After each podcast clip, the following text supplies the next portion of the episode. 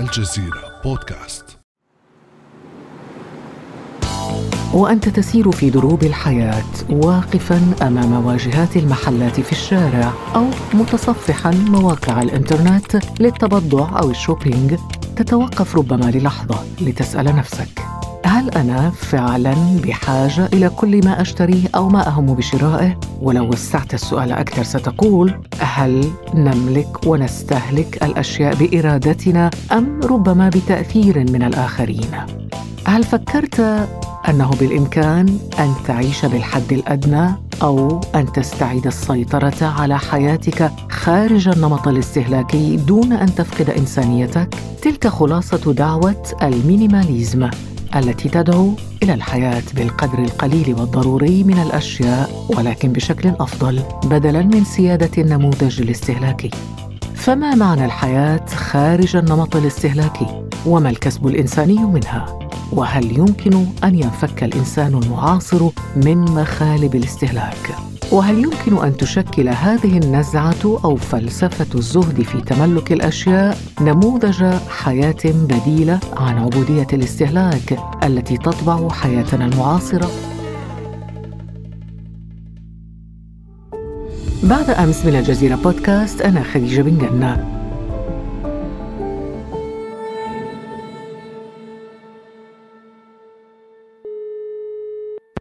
وأسعد كثيرا بالترحيب بالدكتور مصطفى المرابط رئيس مركز مغارب للدراسات في الاجتماع الإنساني. أهلا وسهلا بك دكتور مصطفى. أهلا وسهلا أستاذة خديجة وشكرا على الاستضافة. بارك الله فيك.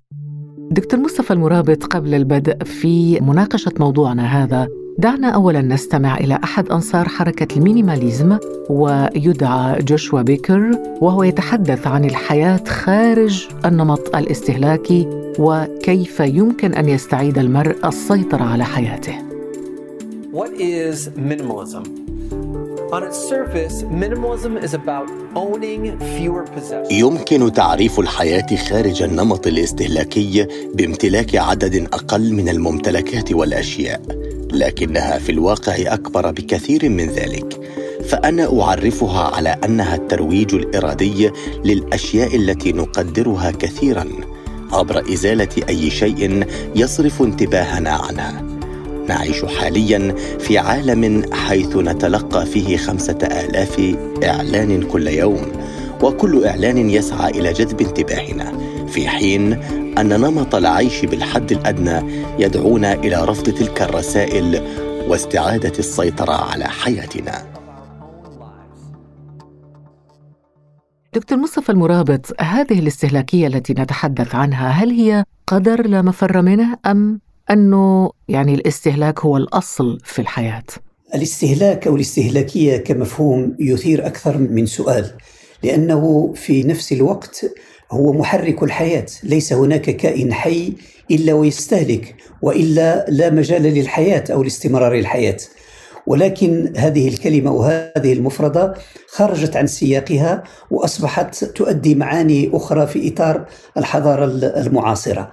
يعني قضيه الاستهلاك كما نلاحظ في اللغة العربية تتضمن كلمة هلك وهو الأصل في الجذر اللغوي واصطلاحيا تعني الاستعمال للسلع والخدمات في إشباع الحاجات والرغبات الإنسانية. تشترك الكائنات الحية خاصة الحيوانية والإنسان في الاستهلاك أي البحث عن ما تشبع بها حاجاتها للاستمرار في الحياة. لكن المشكلة مع هذا المفهوم أنه خرج عن سياقه وأصبح يمثل نمط حياة. عندما نتحدث اليوم عن الاستهلاك فأول شيء يطرأ على بالنا هو مجتمع الاستهلاك. ومجتمع الاستهلاك يحيل على نمط من الحضارة. الفارق بين الإنسان وبين الحيوان أن عند الحيوان هناك حاجات. هذه الحاجات هي التي تضغط على الحيوان ليبحث ليذهب ويبحث عن إشباع هذه الحاجيات وهو استعمال ما يوفره له محيطه وهو ما نطلق عليه بالاستهلاك. لكن عند الإنسان ينفرد بجانب وجود الحاجات هناك الرغبات وهناك الشهوات.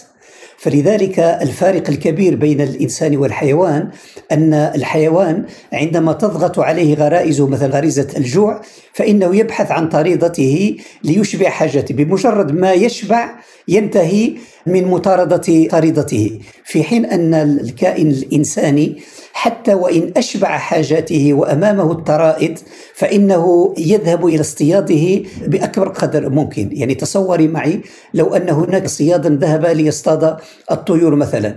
فهو وأسرته مثلا يعني ممكن أنه يحتاج إلى خمس أو عشرة طيور ولكن وجد سربا من الطيور يتشكل بخمسين أو ستين طائر.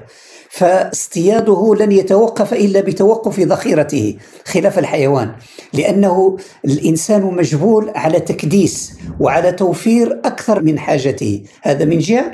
من جهة أخرى كذلك الإنسان في البحث عن إشباع حاجاته هناك الرغبات وهناك الشهوات اي يبحث على ما وراء إشباع هذه الحاجات. الاختلاف الثاني وربما مثير أثاره المرحوم علي عزت بيكوفيتش يقول أن الحيوان يكون شرسا عندما يكون جائعا في حين أن الإنسان يكون شرسا عندما يكون شبعان. وهذه مسألة مثيرة جدا في عالم البيولوجيا. اذا هذه المسألة مسألة مهمة جدا لكن كما قلت أن الاستهلاكية أو الاستهلاك خرجت عن إطارها عندما اعتمدت كنمط للحياة. عندما نتحدث دكتور مصطفى المرابط عن أسباب شيوع هذا النمط الحياتي الجديد وهو نمط استهلاكي ذكرت أنه أحد الأسباب هو البحث عن السعادة أو إشباع الرغبات والشهوات وهذا بالفعل يحقق لنا ربما من خلال امتلاك الماديات سعادة ولكنها مؤقتة أليس كذلك؟ تماما تماما. طبعا هناك دراسات التي أجريت على ما يستهلك الإنسان والتي تلبي له رغباته وشهواته. فتبين أن 60% من هذه الحاجيات لا تمكث أكثر من ثلاث ساعات وعلى أقصى تقدير أكثر من ثلاثة أيام بمعنى أنها سطحية. أن هذه التلبية لأنها في الأساس هو تلبية لحاجات بيولوجية لاستمرار الحياة لأن بدونها تستمر الحياة. المشكلة مع نمط مجتمع الاستهلاك أنه حصل هناك انقلاب بين مكونات الاجتماع الإنساني. يعني نحن نعرف أن مكونات الاجتماع الإنساني بين الثقافة والسياسة والاقتصاد والاجتماع.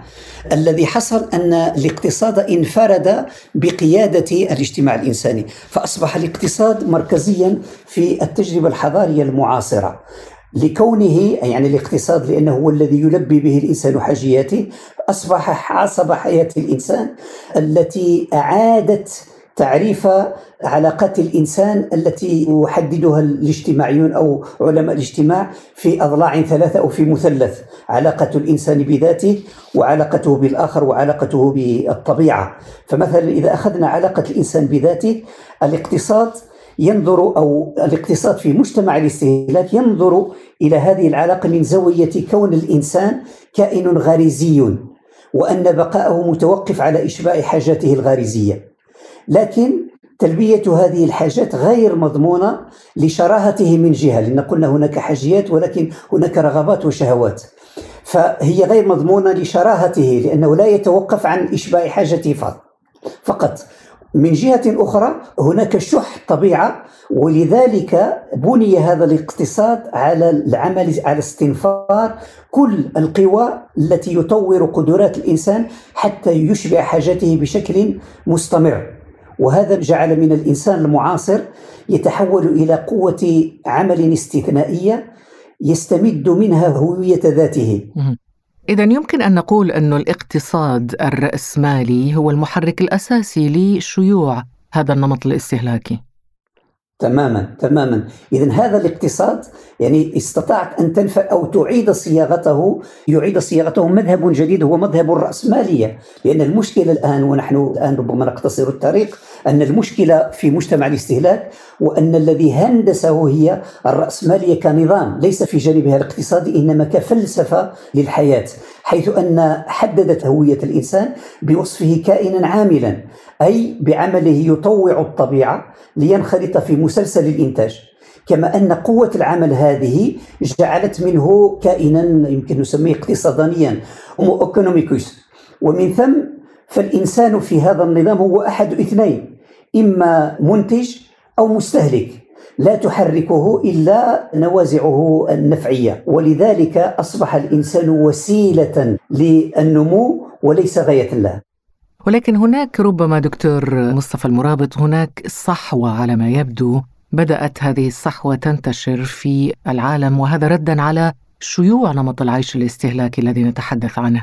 والذي جعل من الإنسان كائنا استهلاكيا زبونا للأشياء الزائدة حتى عن حاجته الشخصية. ظهرت الآن فلسفات وظهرت نزعات تدعو إلى الحياة خارج النمط الاستهلاكي. ما الأصل في هذه النزعة؟ كيف جاءت؟ ما أسسها الفكرية والاجتماعية برأيك دكتور؟ هو قبل ذلك ال minimalism هو أحد التيارات التي جاءت كردة فعل على المجتمع الاستهلاكي وعلى الرأسمالية. إذا هي تعكس أو تكشف عن قلق في هذه الحضارة عن مشكلة عميقة وبنيوية في هذه الحضارة. إذا ال minimalism هو دعوة إلى نمط حياة هي نزعة في أن تعيش أفضل بأقل الأشياء less is more. وهي كما قلت ردة فعل على نمط الحياة الاستهلاكي. التي تدعو إلى مقاومتها ومواجهتها بالتخلص بالأشياء يعني لاحظي معي قضية الأشياء. فهنا ربما قد نفتح قوس علاقة الإنسان بالشيء في المجتمع الاستهلاكي أو في النظام الرأسمالية. هذه النزعة المينيماليزم تجد جذورها في الهند على حسب بعض الباحثين من قبل 2500 سنة من عصرنا. طبعا تجد جذورها الأولى عند بوذا. بعد ذلك انتشرت خاصة في آسيا ابتداء من الصين مع حركة ما يعرف بزن ثم انتقلت إلى أوروبا وأمريكا نهاية القرن العشرين. إذا فهي قبل أن تستوي كنمط حياة ظهرت بقوة في الفن. نجد مثلا في الرسم والنحت والموضة في الستينيات من القرن الماضي في الموسيقى في الهندسة المعمارية.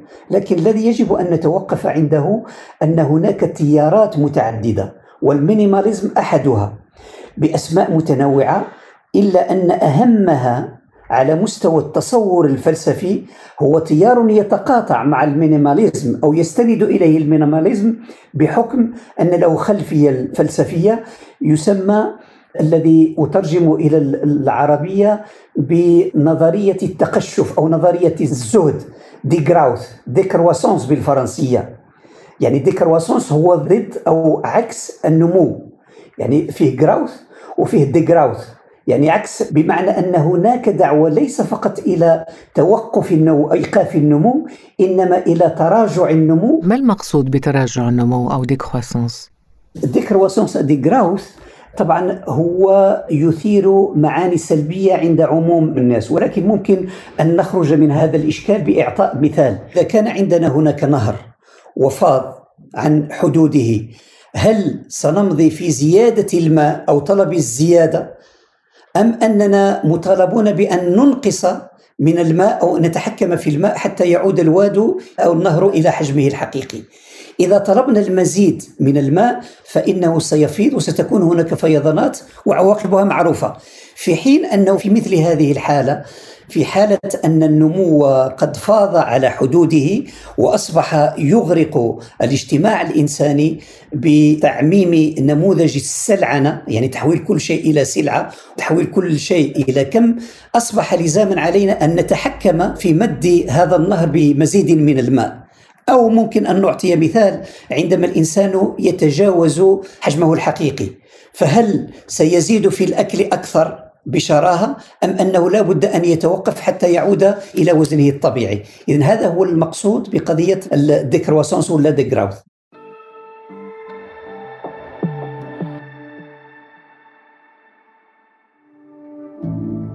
اشترك في بعد أمس لتصلك الحلقات يوميا عبر تطبيق بودكاست. تواصل معنا عبر صفحات الجزيرة بودكاست على فيسبوك تويتر وإنستغرام.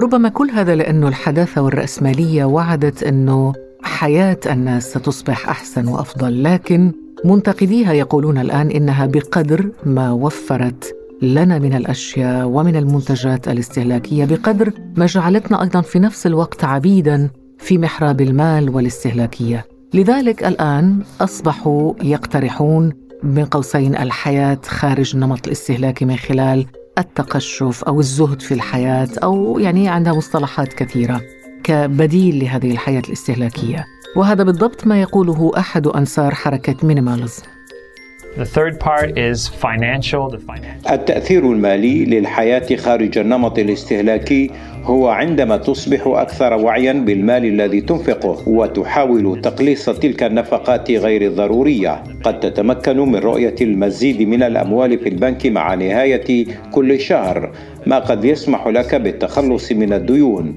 وربما السفر أكثر أو الشروع في توفير المال والتقاعد المبكر. دكتور مصطفى المرابط برأيك ما هي معايير الحياة خارج هذا النمط الاستهلاكي؟ وهل تلبي احتياجات الإنسان المعاصر في الكرامة والعيش الكريم؟ نجد أنفسنا ونحن نتأمل هذا السؤال أمام معضلة حقيقية حين الحديث عن ما مدى قدرة هذه التيارات على اجتراح بدائل لإخراج المجتمعات من مأزق التنمية الذي أشار إليه أحد رائد من رواد هذا التيار. طبعا تتمثل بداية وهذا طبعا يشترك فيه كل هذه التيارات في الدعوة إلى ما يسمونه الخروج من التنمية والاقتصادوية ايكونوميزم لأن الاقتصاد كبعد من أبعاد الاجتماع الإنساني أصبح هو المحور وليس مكونا من المكونات. يعني كما قلت أن هذه التيارات هي متعددة تبتدئ من الراديكالي إلى الذي يحاول أن يتكيف مع هذا النمط من الاستهلاك إنما بالتحكم فيه لكن نظرية ال minimalism أو ال décroissance تقوم على أساس تقليص أو الدعوة إلى تقليص نفوذ الاقتصاد الذي تحول كما قلت إلى محور يتحكم في حياة الإنسان. ثم إعادة إدماجه كمكون من المكونات في إعادة بناء المجتمع الإنساني. طبعا هذا يتطلب الانتقال من النموذج الاقتصادي والاجتماعي المؤسس على التوسع الدائم والتراكم اللانهائي كما هي في النظريات الاقتصادية إلى نموذج مبني كما يدعون إليه على القناعة والاعتدال وإعادة الاعتبار للإنسان في الإنسان من خلال تنمية بعده الروحي والوجداني والعلائقي. لكن هل ترقى دكتور هذه النزعة إلى أن تشكل فعليا نموذج حياة بديل عن مأزق الحداثة والحياة الاستهلاكية وتضمن جودة حياة أفضل وأكثر استدامة وإنسانية؟ طبعا هذا السؤال يستبطن الوعي بالصعوبات بل المعيقات التي تواجه هذه التيارات هل هي فعلا تشكل تيارا بديلا للرأسمالي والمجتمع الاستهلاكي الذي يخشاه كثير من الباحثين أن يتحول مثلا ال minimalism إلى تيار الموضة مثلما ظهرت تيارات أخرى التي حاولت أن تقف في وجه النزعة الاستهلاكية New Age أو حركة ال hippie. لكن طرح هذا السؤال هو في حد ذاته الوعي بخطورة الرأسمالية. كيف لا؟ وهي هذه التيارات تقف في أول في وجه أعتى الأنظمة التي أسست لأفق لا ترى بديلا عنه وأقصد الرأسمالية وتعتبر أنها تمثل حياة لا معنى لها خارج نظامها. إنها الرأسمالية التي اعتبرها أحد الفلاسفة الفرنسيين جيل دولوز اعتبر الرأسمالية مقاول للعالم أي أنها أعادت تفصيل العالم بعد أن انتزعت الإنسان من الدين في البداية على أساس أن الرأسمالية تمثل شريعة جديدة تعد بتحقيق الجنة التي يعد بها الدين في الحياة الأخرى ولكن الرأسمالية تعد بتحقيق هذه الجنة فوق الأرض. وهذا طبعا ما يعكس وعي أصحاب هذه الخيارات بصعوبة مس نمط الاستهلاك أو الاقتراب منه. كيف لا والدول الغنية قد محورت حياتها مثل ما أشرت في البداية حول هذا النمط وطورت أساليب ووسائل غير مسبوقة لتطبيع مجتمعاتها مع قيم الاستهلاك وإخضاعها لعمليات متواصلة من التدجين والترويض طويلة المدى. وأشير هنا إلى الماركتينج والإعلام والدعاية أو الإشهار لتأسيس علاقة شرطية بين الأشياء وبين النفس الإنسانية. وهنا مكمن السؤال في الحقيقة. لكن دكتور مصطفى المرابط هذه الرأسمالية المتجذرة في كل تفاصيل حياتنا وأنت قبل قليل ذكرت أنه هذه الرأسمالية أعادت تفصيل العالم على مقاييس الشريعة الجديدة كما قلت التي تعد بالجنة وهي جنة استهلاكية التيارات التي تقاوم هذه الرأسمالية المتجذرة في حياتنا مثل هذا التيار تيار المينيماليزم تعتمد على أي أدوات؟ هل تعتمد فقط على وعي المواطن المستهلك أم لديها أدوات معينة تحرك بها الوعي لدى الناس؟ في الحقيقة أن كما قلت أن هذه التيارات متعددة ومتنوعة لكن التيارات الجادة التي تعمل على تأسيس تصور نظري فلسفي لنمط جديد أو لبديل جديد تجد صعوبة في إقناع أو في تشكيل تيار يقتنع بهذه الاختيارات أولى المشاكل التي يواجهونها أن عملية الفطام أي انتزاع الفرد من نظام الاستهلاك يبدو بالنسبة إليهم من قبيل المعجزة وهو الأمر الذي لا يخفيه هؤلاء يعني أصحاب نظرية التقشف أو المينيماليزم ولكن هذا النمط الجديد ثقافة أليس كذلك؟ يعني هو ثقافة تنتشر بين الشعوب هل وصلت هذه الثقافة إلى العالم العربي برأيك؟ هو طبعا ككل المذاهب وكل نظرية تصل إلى العالم العربي ولكن إلى أي مدى أصبح لها تأثير وأصبح لها مكان؟ هذا محل نقاش. لذلك يعني العالم العربي وضعه وضع خاص. هو أصبح سوقا لكل التيارات ولكل المذاهب لأن الوضع الخاص نشأ بعد أن فقد مشعل الحضارة وأخطأ موعده مع التاريخ. ويمكن أن نتحدث خاصة بعد مرحلة الاستعمارات والاستقلالات السياسية لأن هذه المجتمعات عندما خرجت من هذه المرحلة لم تستند إلى سياقاتها وإلى مجتمعاتها لتبلور أجوبة على أسئلتها.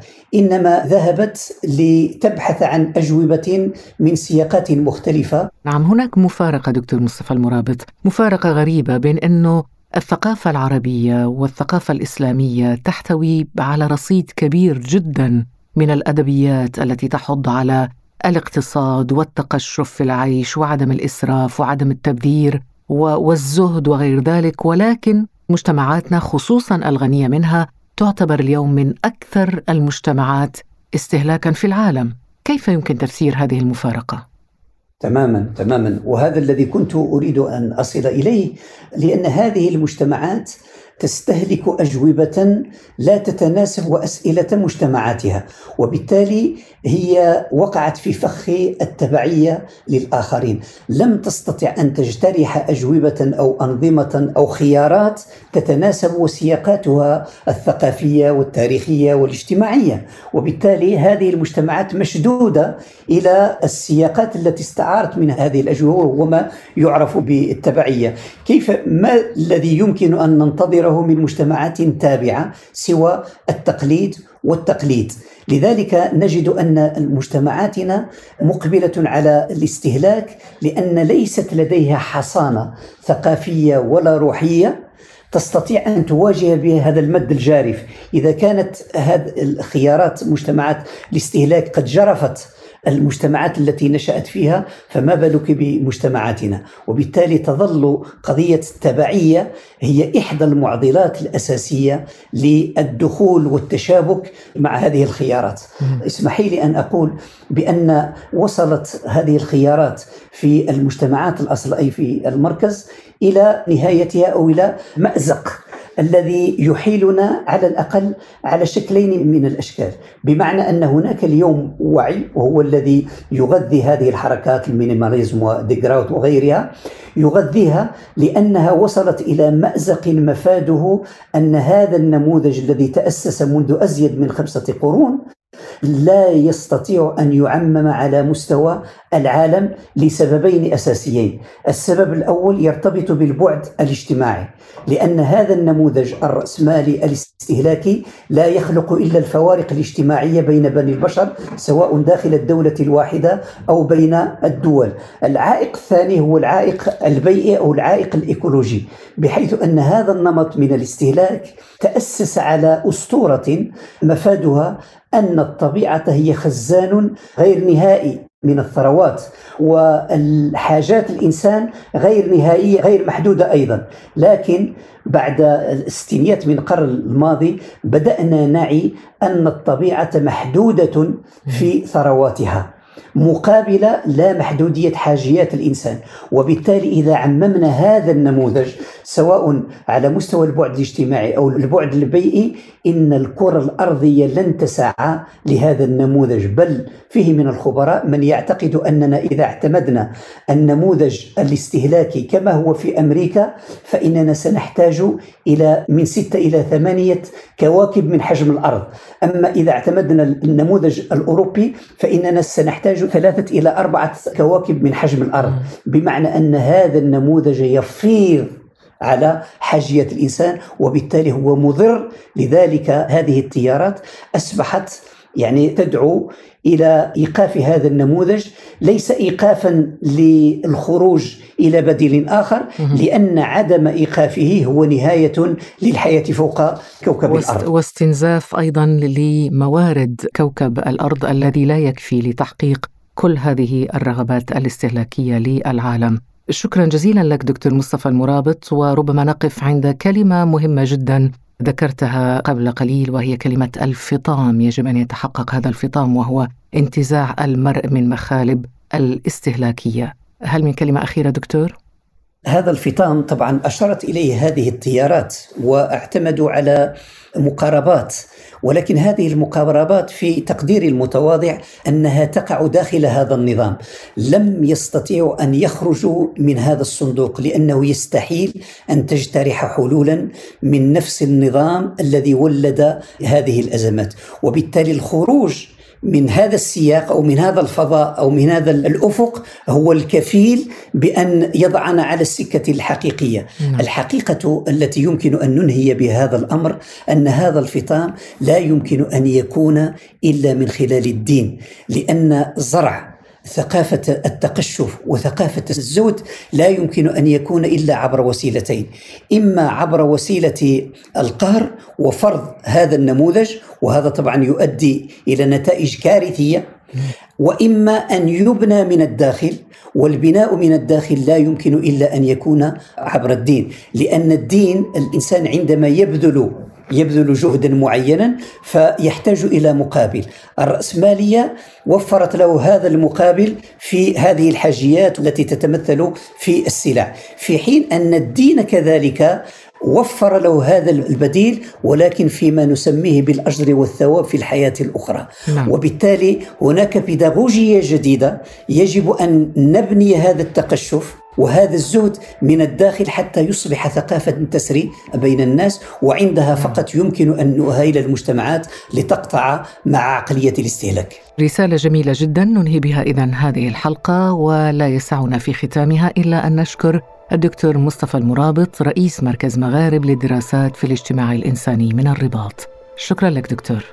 أهلا وسهلا. كان هذا بعد أمس.